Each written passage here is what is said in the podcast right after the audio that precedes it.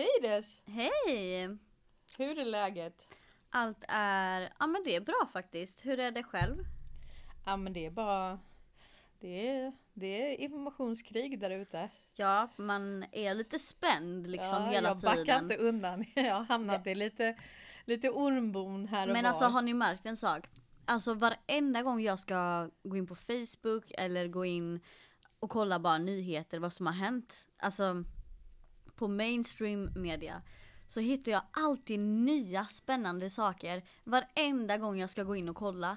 Så det kommer alltså så mycket information och så mycket som släpps ut dag ut och dag in.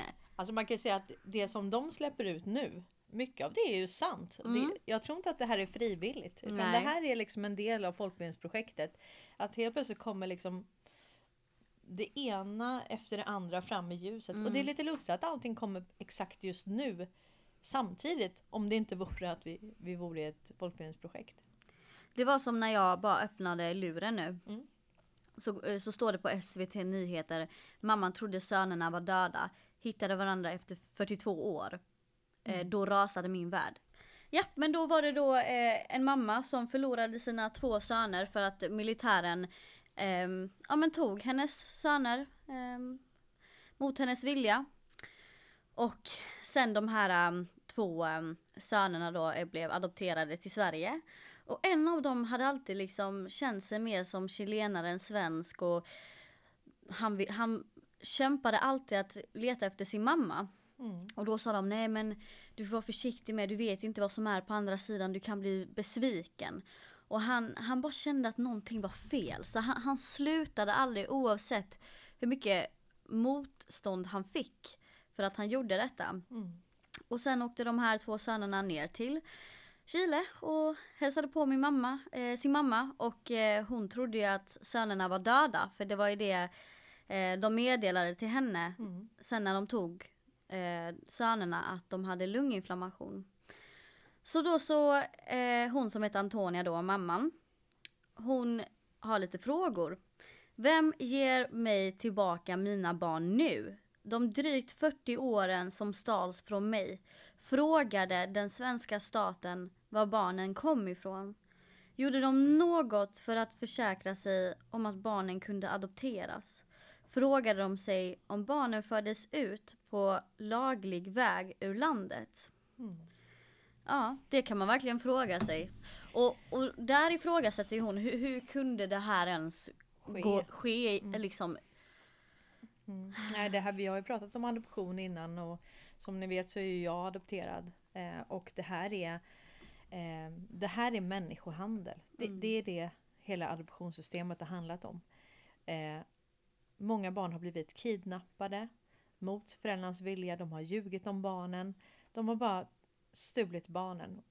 Och jag menar, om någon kommer hem till dig, militären, militärpolisen kommer hem och bara tar dina barn. mm, Vad ska du sätta emot? mm. Vad ska du sätta emot myndigheter liksom? Och sen kommer de, ja dina söner har dött. Alltså din Ja, och hur, värld. ja, hur kan de veta att, att de inte har dött? Alltså hon, Mm. Det är klart att hon har, har ju säkerligen en bullshit-detektor. Hon Mm. fattade ju att de inte var döda. Men hon kunde inte 100% veta. Och tänk att leva i ovisshet i 40 år. Mm. 42 år. Mm. Är det, det är fruktansvärt.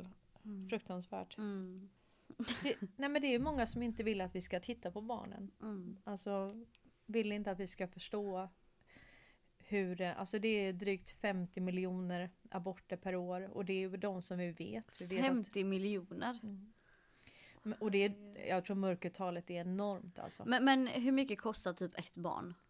När man adopterar? Ja, det beror ju på vilket land man adopterar ifrån kanske. Men Jag vet inte men eh, 100-150 000. Eh, Och det var för många år sedan, jag har ingen aning om vad det kostar idag. shit, det är vet- mycket pengar. Ja, ja, och tänk dig från alla, alla länder. Ja. Och, och det är ju... Nej, det här är ju... Eh, men, det, men det här med barnen, det är ju liksom... Eh, om, man, om man säger 50 miljoner aborter per år, då har du ju alla illegala aborter och liksom... Och här är det ju så att nu är ju hon eh, eh Marjorie Grainer... Nej. Marjorie, Marjorie Taylor Green heter hon va? Hon som kom in i, hon som blev anklagad för att vara Trump eh, Q-supporter. Eh, Och hon nu går ju upp och eh, stämmer eh, stämmer Biden. Och det hon säger här är ju väldigt, väldigt intressant. Det hon går emot här, kan bara lyssna på det. Vad hon säger är att eh, vad Biden och de försöker få igenom nu, det är alltså att du ska få abortera upp till samma dag som barnet föds. Kan lyssna på vad hon säger här. I've introduced articles of impeachment on President Joe Biden. The reason why I've done so is for his disgraceful actions having to do with Afghanistan, abandoning Americans, arming and terrorist nation, the Taliban, which is treason, giving aid and comfort to our enemies. But also, I've also introduced articles of impeachment for the national security crisis created at our southern border, which today is actually being invaded. But heading into this week, perhaps the most evil and disgusting thing that is going to happen in this 117th Congress is the bill that's going to be introduced that makes it a federal law to allow abortion up until the day of birth. This wall says, In God we trust.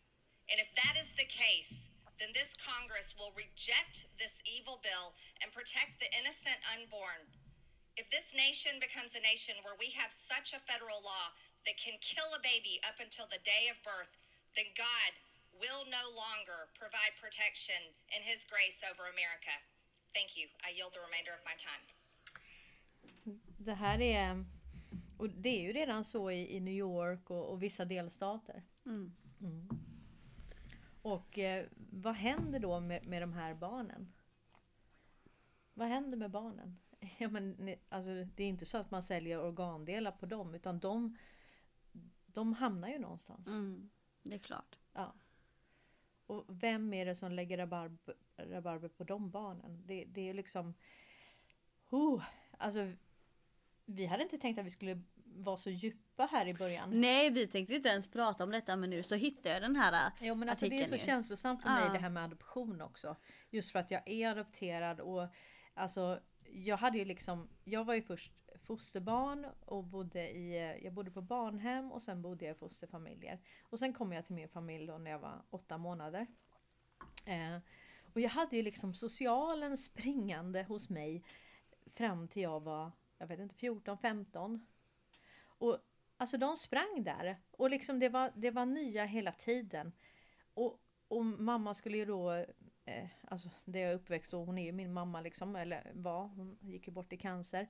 Men i alla fall, hon, eh, ja då skulle det fram med kaffe och kakor och så skulle vi sitta där och, och så skulle de liksom bedöma, jag menar jag tänkte jag var ju kaos som tonåring. Kaos! Mm. Så jag kommer ihåg, jag kanske var 12-13 år, så kom det en ny socialarbetare och så frågade hon mig så här, hur trivs du i den här familjen? Och jag, alltså jag blev så arg. Jag bara, jag har bott här sedan jag var åtta månader. Vad är det ens vi pratar om? Ja. Men du, eh, det här får mig att tänka på en annan sak. Mm. Mm. Eh, det är faktiskt så att det som händer nu och det socialen gör nu, Mm. det är fruktansvärt alltså. Vi ska lyssna på en kvinna här. Jag skulle vilja berätta en sak för er som har hänt i vår familj. Eh, någonting som berör mig och Peter väldigt, väldigt mycket just nu och som gör att eh, våran... Eh, vad ska jag säga? Hur, hur vi har det här i familjen är rätt jobbig. Det är ju så här att eh, två av våra familjehemsbarn kommer att bli omplacerade eh, Eh, på grund av att vi inte vill skriva på ett avtal, ett nytt avtal som socialtjänsten nu kommer med där vi ska, eh, vi, ska vi förpliktigar oss till att eh, se till att våra barn får den här nya experiment, experimentella eh, injektionen. Eh, eh, så att vi ska se till att våra barn får den helt enkelt som bor här. Och eftersom jag och Peter har den inställningen vi har till den här injektionen eh, så, så kommer inte vi att skriva på det. Och i och med att inte vi skriver på det här avtalet som för övrigt faktiskt är olagligt har vi fått reda på. Ehm, så blir vi helt enkelt inget familjehem längre för just de här två barnen. Och då kan man ju liksom börja undra vad egentligen som är barnens bästa. Eftersom de här två barnen vill bo hos oss, har en trygghet i, hos oss. En av barnen har bott här i drygt två år, två år och tre månader. Det andra barnet har bott här i, i nio månader. Och eh, de är bägge två, har det väldigt bra hos oss. Eh, och eh, som ni förstår så är det barn som har haft det jobbigt och har det jobbigt. Och vi har lyckats hitta en trygghet för dem här hos oss. Eh, Så vi är väldigt upprörda och ledsna över det här som sker. Alltså jag börjar typ gråta. Ja. Alltså socialen, ja, alltså det här systemet det är så sjukt hemskt. Alltså nu har det inte hänt någonting med dina barn, alltså med mig och så att de har försökt tvinga på någonting eller så men det var ju som den där mannen vi berättade om också när de tv- skulle tvinga hans dotter att gå gå till moskén med slöja och fick hon inte det, eller gjorde hon inte det så fick hon F i betyg. Ja. Och då kom ju socialen dit och undersökte hemmet och då fattade han ju att det var på allvar att ja, de kan faktiskt ta min dotter för jag har inte, ja de tänkte att han hade rasistiska åsikter. Men alltså, ja. Nej, nej men det här är ju Alltså de vill åt våra barn, det- är bara Mm. så. Och vi måste skydda våra barn.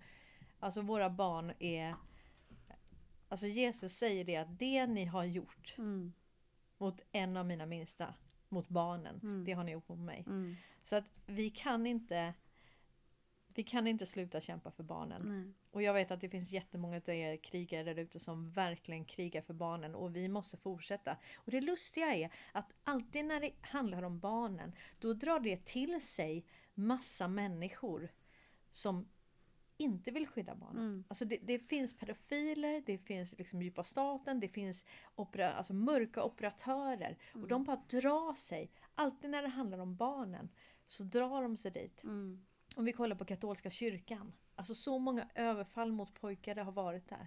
Om vi kollar på så här, HVB-hem, alltså eh, överallt där det är barn.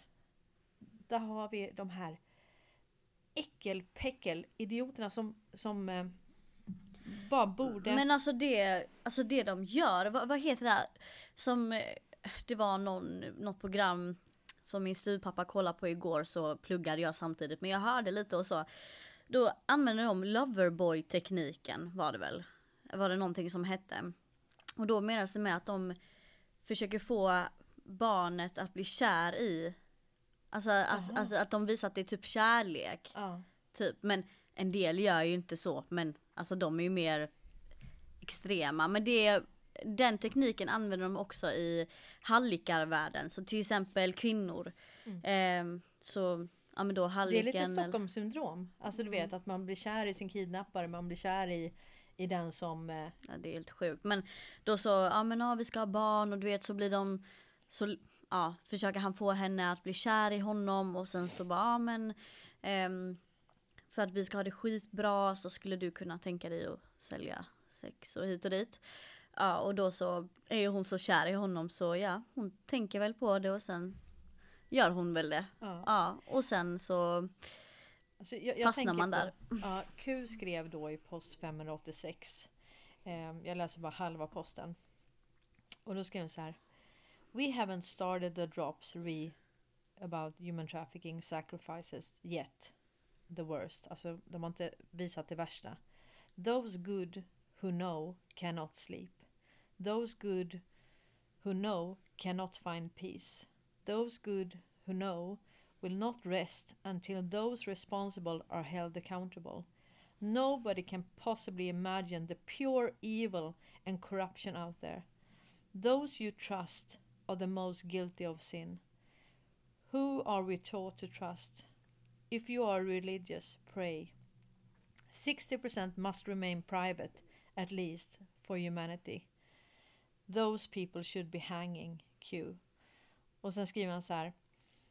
Past drops important to frame context. These people need all to be eliminated. Those who know cannot sleep. Q. Så att 60% kommer de släppa ut. 40% kan de inte släppa ut. För, för vi hade inte kunnat hantera den, den verkligheten som de här barnen har fått utstå. Vänta lite va? Och redan det vi har fått reda på typ mår vi skitdåligt av. Ja. Och finns det värre Ja. än det man har redan undersökt? Ja. Eller va? Det är ju helt... Alltså det, det om, var- om det är värre än, än det man har sett då, um, då, då tror jag typ att man kan typ dö eller någonting om det är så. Ja, nej men och det, det är ju så att man måste förstå alltså djupet av on, ondska i det här. Mm. Eh, och hur det här nätverket, de här sjuka människorna, hur de har liksom opererat. Mm. Och det, det är ju så att när man ser det här mörkret, då vet man att det finns ljus. Ja, Om det finns ondska, så, eller det finns ondska, då vet vi att det finns gott. Mm. Det finns liksom alltid en motsats till det. Mm. Och sen alla de här infiltratörerna eh, som drar sig till till exempel barnen och så. De försöker säga att nej men det finns inget hopp, vi har förlorat, eh, vi kommer aldrig kunna vinna. Eh, lalala. Mm. Men så är det ju inte. Nej. Men du, hur ska vi kunna byta ämne efter det här? Ja det blir lite svårt. Alltså jag vill typ gråta. Har du någonting mer att berätta då? Var vi klara om socialen? Alltså du, jag kommer aldrig vara klar med socialen förrän det är nedlagt. Ja. Precis. Men, och men och så, de människorna, alltså de måste ju arresteras. De måste ju Ja. åtalas. Alltså de måste ju dömas för det, det brott. De har splittrat familjer. Men, menar, men det är det, de tror ju att de gör bra saker. Det är det alltså. vissa ja. Ja. men många pluggar ju till socionom och, Ja, och det jobbar inom socialen. sen. Ja. De vet inte vad som sker på toppen. De vet inte. Men, men vissa utav dem, som de som gick in till den där pappan du vet. Mm. De visste exakt vad de gjorde. Mm. De vet det. Mm. Det, det var en, en som skrev så här, som jag inte tror jobbar med oss, som jag tror jobbar på andra sidan. Då skrev han så här, om jag skulle ork- orkestrera en världsvid konspiration och maktövertagande, då skulle, jag plante- då skulle jag se till att plantera mina egna bland de som protesterar. Och så skulle jag låta dem framstå som riktiga opponenter mot mig och min agenda. Men jag skulle samtidigt låta dem säga några halvtokiga saker så jag kunde peka ut dem och därmed misskreditera alla som motsätter sig min agenda. Smart va? Och det är alltså grejen är alltså att den här personen gör det här själv. Det, Mm. det är precis.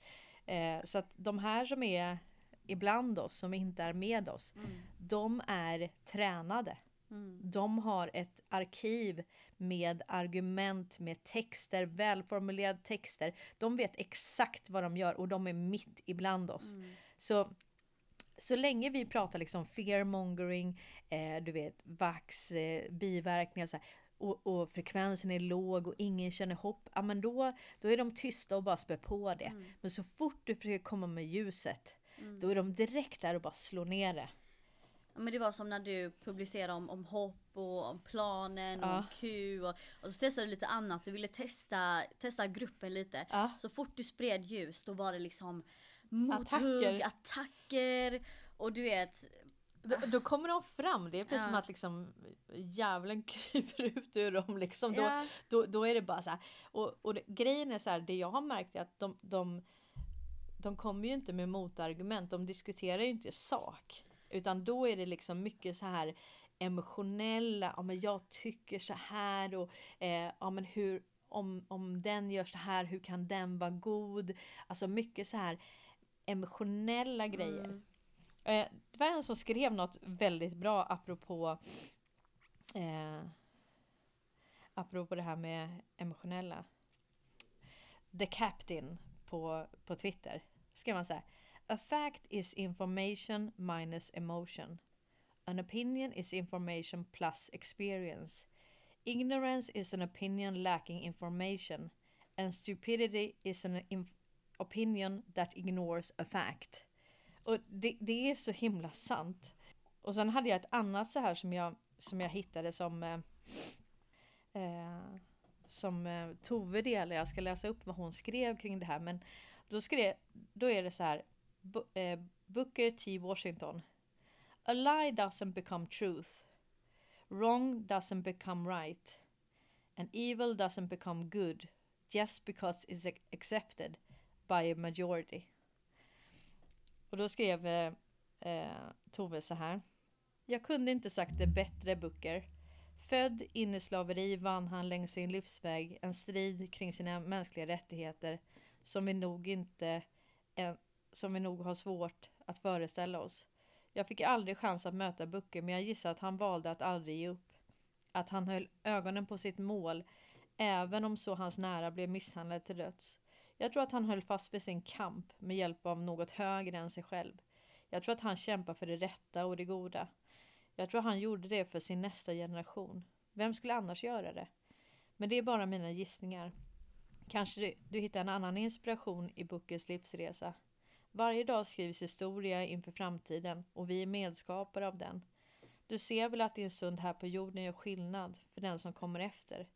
En lögn blir inte sanning, fel blir inte rätt, ondska förvandlas inte till godhet bara för att det accepteras av majoriteten. Så fint, det var Tove Jakobsson som skrev det. Alltså hon är så fantastisk, ni måste följa henne på Facebook. Hon är... Åh!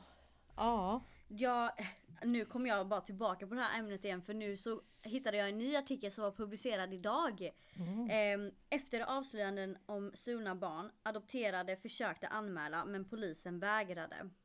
Så, va? Alltså så polisen säger nej till att, alltså vem, Anmäla. vem, ve- vem jobbar polisen för? Precis, att Ja. anmäla. Vem jobbar polisen för? ja, samma som socialen kanske. Ja, och men samma alltså- som våra politiker. ja, men Alltså jag- hela systemet har varit helt korrupt, riggat. Det, har, det är skapat, i alla fall i Sverige så är det helt skapat av den djupa staten för att upprätthålla eh, liksom det här kriminella syndikatet, det här kriminella systemet. Vårat rättssystem, det är helt uppbyggt för att göra det. Ja, jag vet inte. Men alltså jag tror att många är bakbundna. De är liksom långt ner i hierarkin. De får inte reda på det är gammal CIA, det funkar så att det är liksom celler så att den ena cellen får ju inte reda på vad den andra gör. Mm. De vet ju inte exakt vem de ska ta ut och varför. Eller de, de vet vem de ska ta ut men de vet inte varför. Ibland vet de inte ens vem det är de ska ta ut. Mm. Utan de bara lyder order.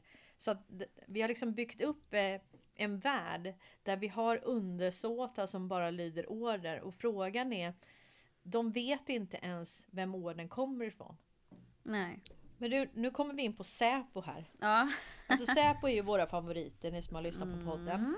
Vi pratar ju med dem genom våra högtalare. Eh, och de, de är rätt aktiva. Jag tror att de har rätt så bra koll på oss. Och, och vi har rätt bra ko- koll på, på dem också. Ska vi säga så? ja, Ja. kan vi säga. Men, men det är ju lustigt nu att nu har ju då Säpo, de har ju lyckats med att göra lite vad de ska och inte bara avlyssna oss hela tiden. Mm. Ja. Så nu är det så att eh, vi fick ju hit ett par hundra elitsoldater från USA. Navy Seals, alltså, Mm. alltså elitsoldater. Då kommer de till Stockholm för någon vecka sedan. Mm. Du vet när vi rapporterar om det. Mm. Och helt plötsligt så har Säpo gjort massa arresteringar då. Eh, så att de har gripit en misstänkt spion, Mm. rapporterar Aftonbladet. Eh, och det handlar om en gryningsräd. Mhm. Mm. Och sen om vi tittar längre ner så är det den här. Det, ni kommer ihåg den här eh, kommunikationstjänsten Anon. Eh, den utvecklades ju av FBI. Och som spred plattform över hela världen i kriminella krets, kretsar. Och alla de som använde tjänsten då, de var ju ove, helt ovetande om att det här var ju inte Mm. eh, Ja, det, det här var ju en stingoperation. Mm. Ja. Eh, och, och det är det folk tror att det finns så här säkra chattar och sånt. Ja, signal och telegram och sånt. Det finns inga säkra Nej. chattar. Nej. De har 100% koll på allt du skriver. Alltså det finns inte så. Nej. Nej. Och då, då står det så här. Eh, krypteringstjänst, ingen quick fix. I fredags åtalades fyra personer för narkotikarelaterade brott. Där åtalet bland annat bygger på information från den krypterade kommunikationstjänsten Anon. Anom. Ja. Jag har ingen numerär uppfattning men det pågår åtskilliga utredningar i stort sett i hela landet. Där material från Anom ingår i bevisningen. Det är ungefär 150 gripna personer över hela insatsen. Eh, Vad sa du? 50 eller 150? 150. Oj, ja. Ja. Genom Anom kunde också den stora operationen Trojan Shield OTF Greenlight sjösättas den 7 juni. Insatsen där 16 länder deltog ledde till en mängd gripanden världen över, även i Sverige. Eh, och kortsiktigt gav insatsen effekt. Och det var ju där vi sa att 20% av alla de arresteringarna Mm. eh, skedde ju i Sverige. Precis, ja det var det där med den där appen ju. Ja, precis. För ett tag sedan. Ja, och sen var det så att de som det här var ju också specialtelefoner då. Mm. Och då har det ju framkommit att det var ju svenskar som gick och delade ut de här Mm. Men det, det, alltså jag bara säger så här. Amerikanska elitsoldater måste komma hit för att städa upp Sverige. Mm. Alltså vad säger det om Sverige? ja precis. Alltså jag, jag kan säga vi kanske ska bli. Men du, jag Amerikanskt. tänkte på... Vi kan bli en koloni till dem. ja, ja tack. Det hade varit riktigt nice. Nej men alltså hallå. Mm. Eh, jag har bara tänkt på en sak nu. Eftersom de är här. Kanske det är de som har tagit fast eh, Stefan Löfven. Ja men vem vet? Ja, alltså det, det tänkte jag på. Alltså det måste det ju. För jag tror inte att han avgår bara helt plötsligt. Pum! Och du vet politiker säger att de, ja jag blev överraskad att han bara, ja men för jag såg det inte komma. Men du nu, nu tycker jag du låter som en konspirationsteoretiker. Tycker du? Ja. Oj, men du, eh, det är ju hemskt. Det är fler som är borta. Okej. Eh, tidningen Damernas Värld, ja, vi var ju på ICA Maxi. Mm. Så var det ju deras, eh, eh, på framsidan där. Mm. Då stod det att Madeleines man Chris O'Neill har gått under jorden. De hittar honom inte. Nähä. Nej, Vänta. De hittar inte honom nej alltså? han är borta. Jaha. Vi får gå skallgång helt enkelt. Jaha. Han kanske också är gripen. Ja men vem vet? Madeleine liksom har ju, hon har tappat bort sin kar. Mhm. Det var ju underligt. ja. Men du, eh, du vet de här som hackade Coop? Mm, ja just det ja. Eh, de hade bara lite semester men de är De tog bara lite ledigt liksom. Alltså det, det roliga är att SVT skriver precis så. Coop-hackarna är tillbaka, tog bara ledigt ett tag. Så, de behöver ju också semester, eller hur? Ja, så, så här ska ni få höra. Nu är den här hackergruppen R-Evil tillbaka igen. Ja, det stämmer bra. De, eh, de försvann ju lite grann från jordens yta precis efter det här eh, uttalandet från Biden. Och sen har de eh, återuppstått senare och nu faktiskt för bara några dagar sedan så har de också gjort aktiva operationer igen. Så nu begår de ransomware-attacker igen. Så att, eh, det visar ju bara hur skyddade de är och hur ofarligt det är. Sen är det lite förvånande att de inte bytt namn, för det brukar de göra faktiskt. Alltså, Sen har de bytt namn, det brukar de göra faktiskt. Och så, så, man undrar ju vad de här är. Alltså. Ja. Alltså förlåt men det låter så dumt. ja men alltså. Nu, nu, nu är de Alltså, tillbaka igen som att de är jätte... Och så skriver SVT, de tog bara lite semester. Ah, Men vad är det de hackar? Alltså vad är det de gör? ja, och vilka är det som hackar? Om vi, om vi nu precis pratade om den här, eh, den här FBI-appen. ja. Och att det var en stingoperation. Och det här sker samtidigt. Ja du, Mm. vad är det för, vilka är de här hackarna? Ja. Kan det vara white hats? Det kan kanske vara det. Jag har faktiskt ingen aning men Men du nu låter du faktiskt lite för konspirationsteoretisk. Ja faktiskt, jo men alltså men jag tänker ändå så här. Eh, jag tycker SVT gav lite lite information. Jag hade gärna velat veta var de var på sin semester, vad Ja. de gjorde liksom. Ja, Låg de på en strand eller? de kanske var på Gotland. Alltså, Vem vet? Nej det, det, jag, det, här, det känns som att de kan göra en serie på det här. Ja, det här ger mer smak. Jag blir liksom nyfiken.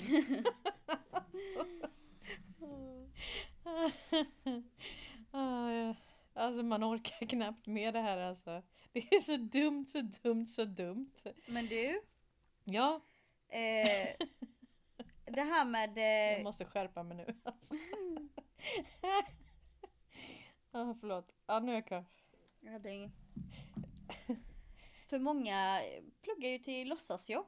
Ja, Alltså det känns som man, man kan ju plugga till massa skit idag. Nej, nej, nej men läs nu artikeln Okej. och så fråga, fråga dig själv. Varför skriver de här, den här artikeln nu? Vad är låtsasjobb och vem bestämmer att det, här- att det här är ett låtsasjobb? Vi kanske har ett låtsasjobb där, vi som sitter och poddar. Ja.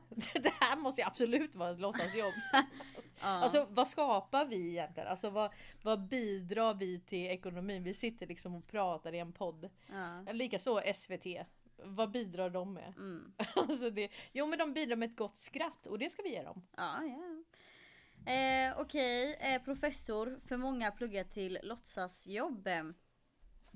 Normen att det är fint med högskoleutbildning och mindre fint med praktisk utbildning skapar en allt skevare arbetsmarknad.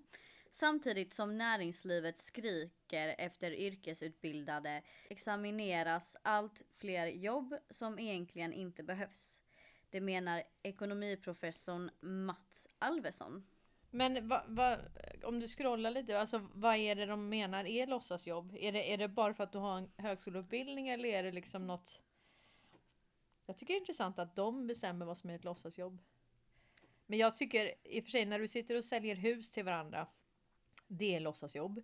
Eh, och när du sitter och säljer aktier till varandra. Det är också låtsasjobb. Det är väldigt mycket som inte egentligen skapar något värde utan som bara liksom råddar runt allting och skapar någon form av vinst. eh, Ja, he- hela det systemet är ju väldigt, eh, väldigt, eh, väldigt på låtsas, väldigt fiktivt tycker jag. Ja men att eh, efterfrågan är ju hög på praktiska yrken som byggnad, hantverk, polis och vård och omsorg. Och hela tiden ökar det och allt färre eh, väljer en praktisk utbildning. Ja men det stämmer ju. Ja. Alltså folk vill ju inte jobba längre. Folk vill ju bara sitta och liksom sälja saker till varandra. Alltså det är ju 29% av alla elever på gymnasiet som väljer en yrkesutbildning och 59% eh, läser då ett högskoleförberedande program. Och då, då kan du inte få ett riktigt yrke utan då måste du ju plugga ytterligare ett, i alla fall ja, men minst två, tre år. Och Men Kan du läsa uppåt? Nej, Nej. Och sen, nej och sen är det ju så att många har ju inte liksom fått en, någon erfarenhet så att Men många orkar heller inte. Jag har jättemånga som läser liksom ekonomi, samhälle, natur. De är kvar.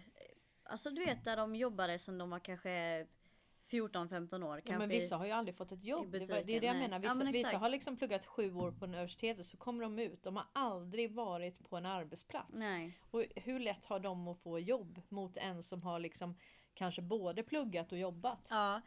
Men du, eh, det ska bli eh, lagligt att köpa alkohol på livsmedelsbutiken. Eh, M-politikern skriver att det är dags att eh, modernisera lagstiftningen kring alkohollagen.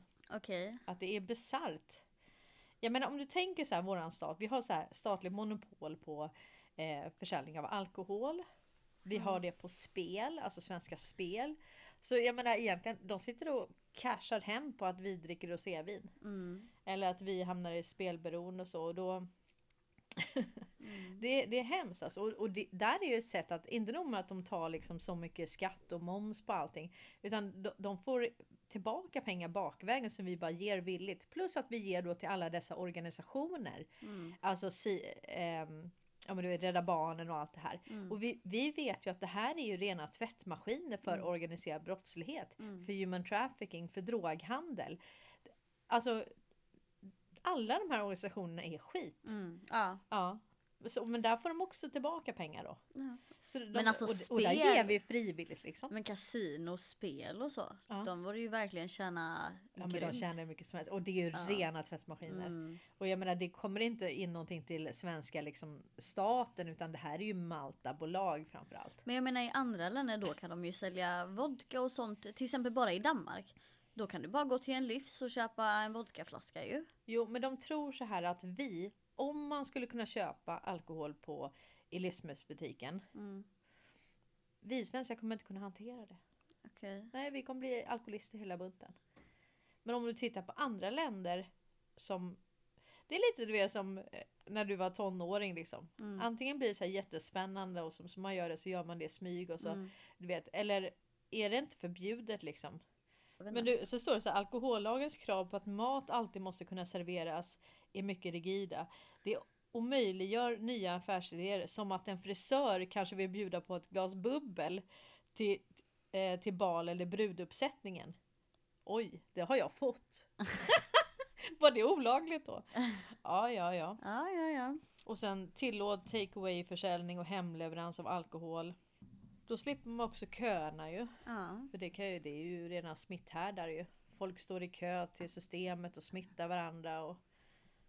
Takeaway, det är modellen. Mm. Fri hemkörning. Med alkohol. Ja, men alltså det är ju... Vi behöver inte dricka ihjäl oss. Men vi behöver heller inte ha storebror som säger till oss när och var och hur vi får köpa alkohol. Nej. Nej. Covid-forskning i Halmstad indikerar antikroppar mognar och blir bättre. Så att 400 hallänningar är med i studien med fokus på immunitet och antikroppar. Forskningen har nu pågått ett år eh, men kommer fortsätta en lång tid framöver. Redan nu är det tänkt att, result- att resultatet ska presenteras i en vetenskaplig tidskrift. Ett kvitto på att studien håller bra kvalitet. Och då visar det sig då att eh, 90% av de som var med i studien som haft covid-19 har utvecklat antikroppar och nu tyder analyser på att immunförsvaret mot sju- sjukdomen mognar med tiden. Mhm. Så det, den blir bara starkare. Ja men vad härligt. Och sen har vi ju då läst att eh, eh, naturlig immunitet som det här är, det är ju mycket bättre än att gå var 90 dag och få en booster. Mhm. Ja.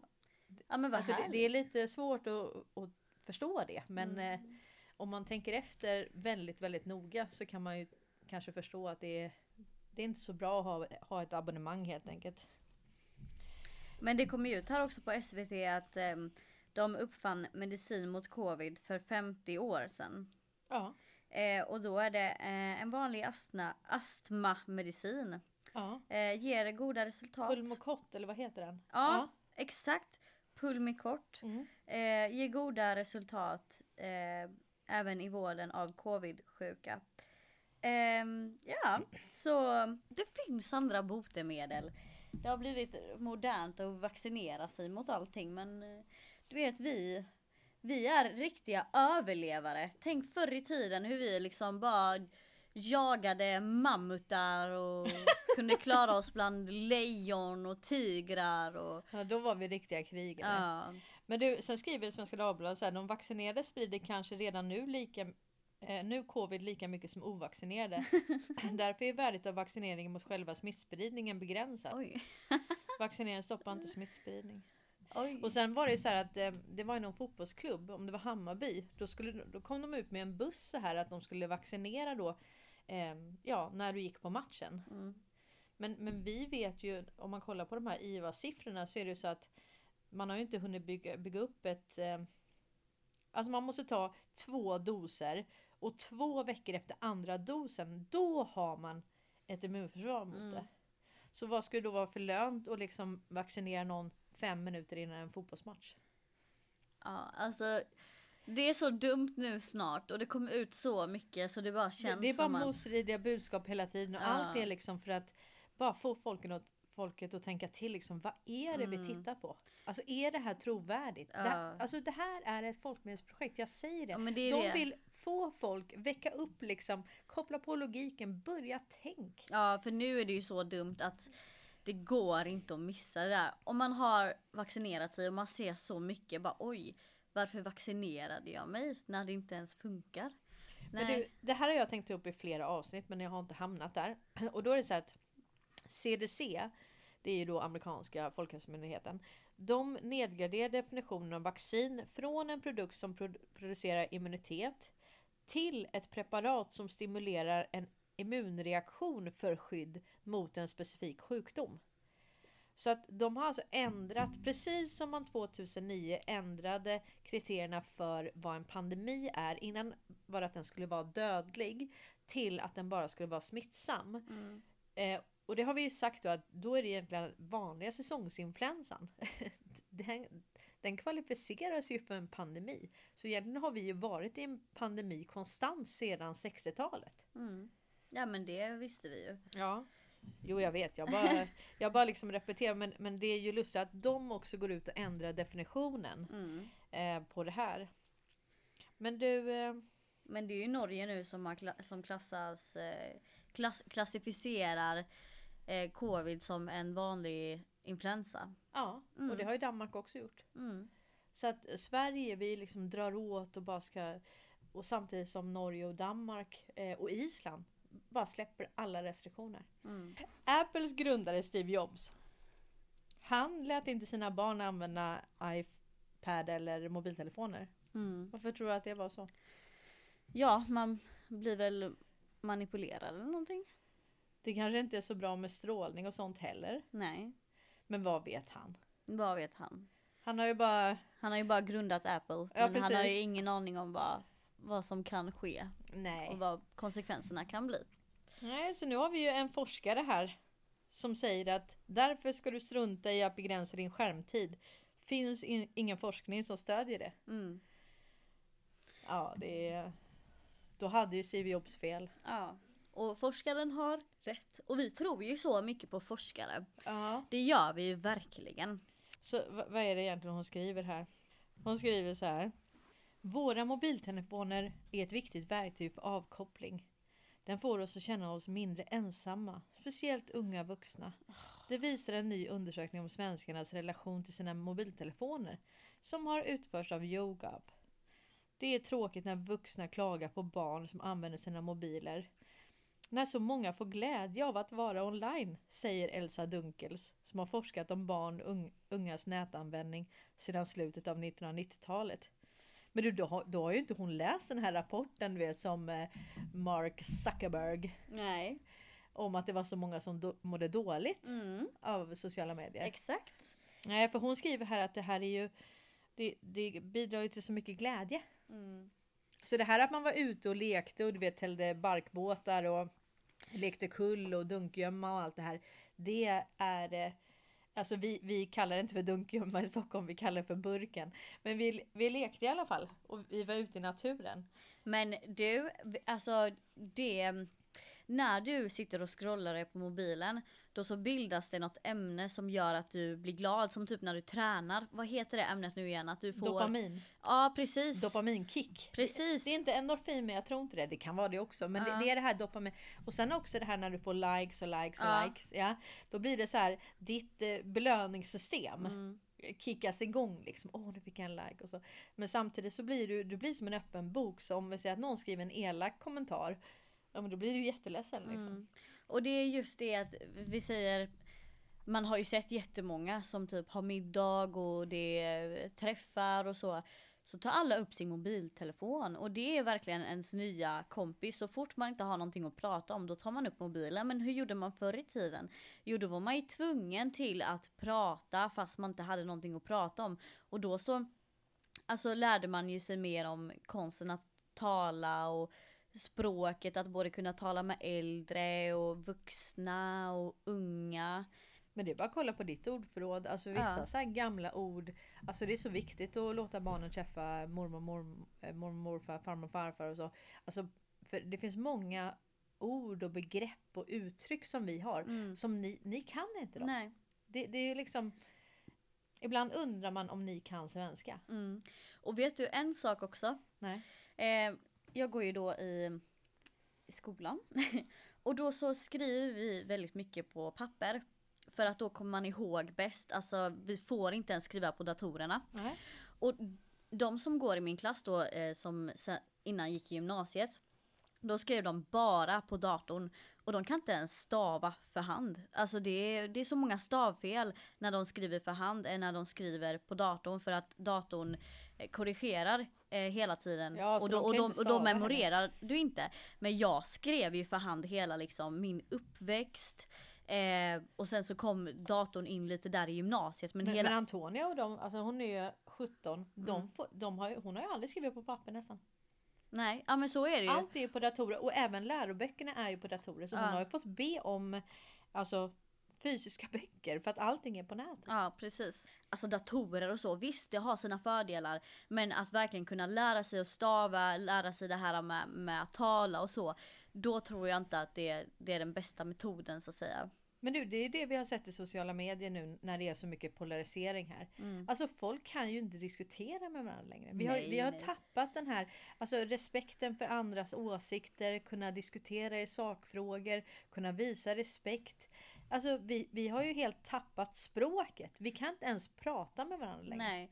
Undrar hur det, hade gått till i verkligheten. Alltså du vet det är ju som att man eh, är en helt annan person där bakom luren. Ja men kom ut Ja. där ur boxen din lilla fegis liksom. Ja precis. Det, De hade aldrig sagt så live. Nej. nej. Men nu, nu skriver Expressen Kultur och nu har de stängt den här artikeln. De skriver så här, inte läge att prata om er uppväxt, Hanif Bali och Karina Bergfeldt. Eh, och så menar de på det då att han, eh, att han säger då att han har haft en svår uppväxt. Eh, och, och att det var därför det här hände. Men det var inte så han sa. Han sa så här. Att trots att jag har varit med om allt det här svåra i min uppväxt så är det här drevet som jag har råkat ut för nu det värsta jag har varit med om. Så att det var bara, han skulle bara förstärka hur hårt han tar det som händer honom nu. Hanif Bali då. Så vi kan bara höra på vad han säger. För vad han vill det är att kunna rent på sig. Han vill kunna få en röst men han blir censurerad överallt. Och nu har de stängt den här artikeln. Jaha. Ja. Men han säger så här. Det har riktats eh, väldigt eh, allvarliga anklagelser mot dig. Hur ställer du dig till det? Eh, Jag tillbakavisar dem helt och hållet. Och vad är det som du menar då finns för bevis på att det inte har skett?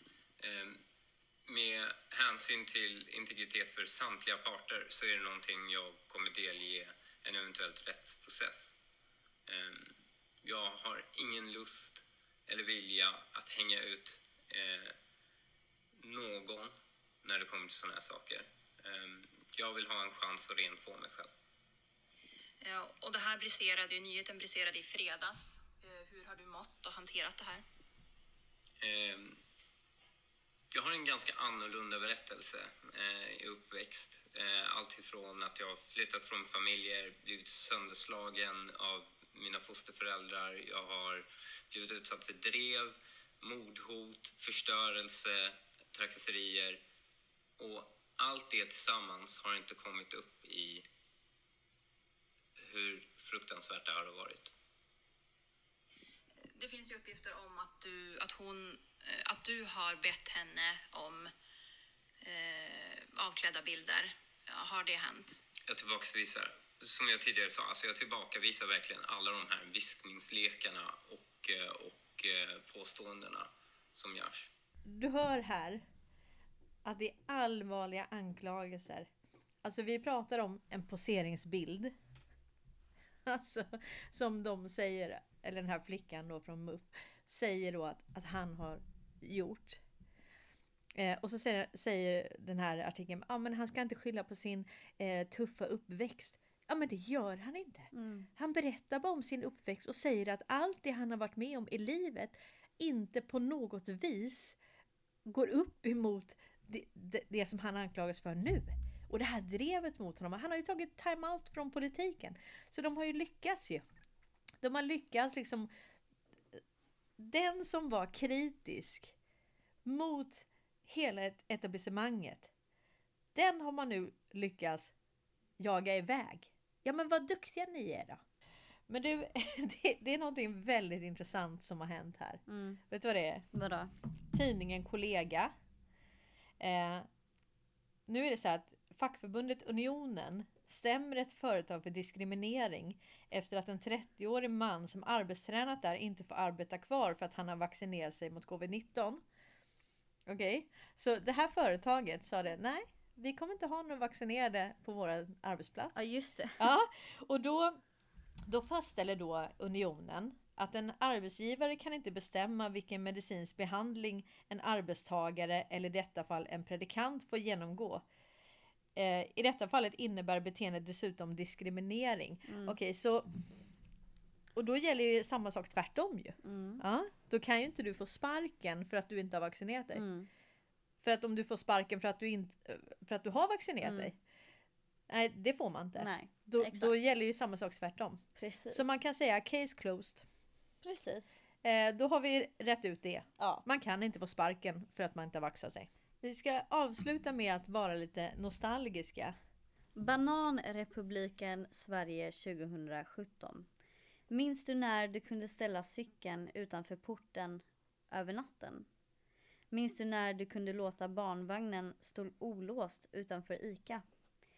Minns du när du kunde låta utegrillen stå kvar på uteplatsen hela natten? Minns du när du kunde gå med småbarnen till det kommunala badhuset? Minns du när det inte låg människobajs i barnens sandlådor? Minns du när du kunde gå till matbutiken utan att bli antastad? Minns du när du kunde sitta och läsa i lugn och ro på biblioteket? Minns du när du kunde släppa iväg din tonårsdotter på konsert? Minns du när du aldrig hade hört talas om ordet gruppvåldtäkt? Minns du när du fick ha båtmotorn kvar på båten? Minns du när åldringsrån var ett okänt begrepp? Minns du när bilbränder endast uppstod vid trafikolyckor?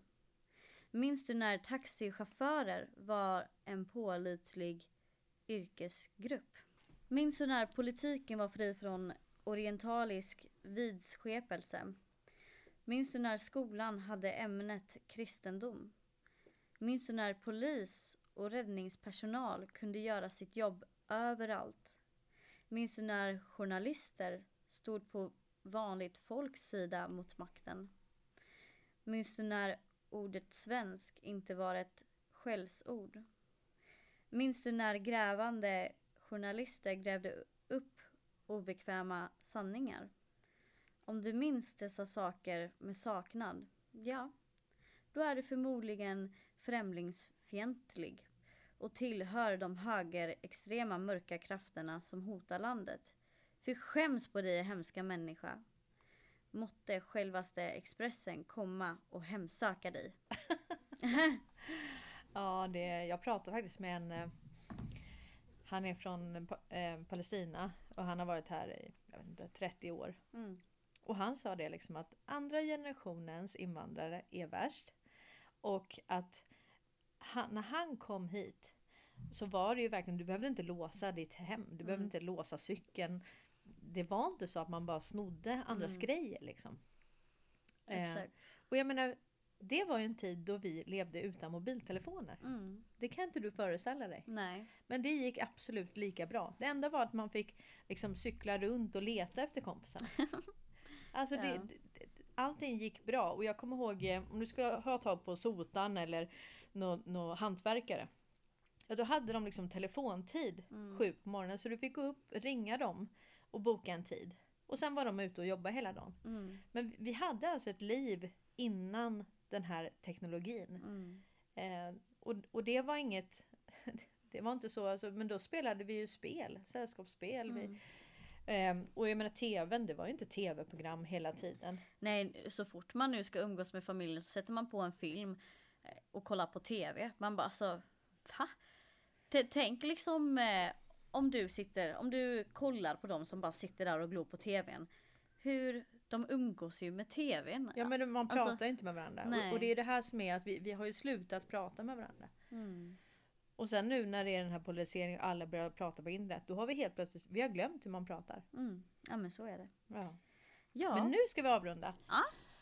Ha det jättegott allihopa! ha det fint. Hej!